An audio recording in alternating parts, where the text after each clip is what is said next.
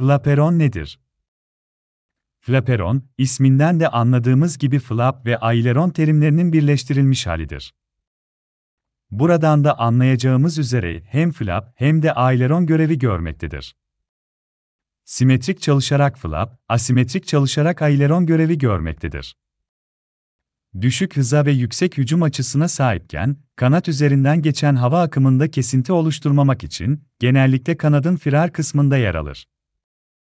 Bu durum, uçağın iniş hızının azalmasını sağlar ve uçağın kısa mesafede iniş yapabilmesine yardımcı olur. Bunun yanında kontrol yüzeyinin az olması nedeniyle, uçakta genel bir kütle azalması olur. Daha fazla bilgiye erişebilmek için Monolib'i ziyaret edebilirsiniz.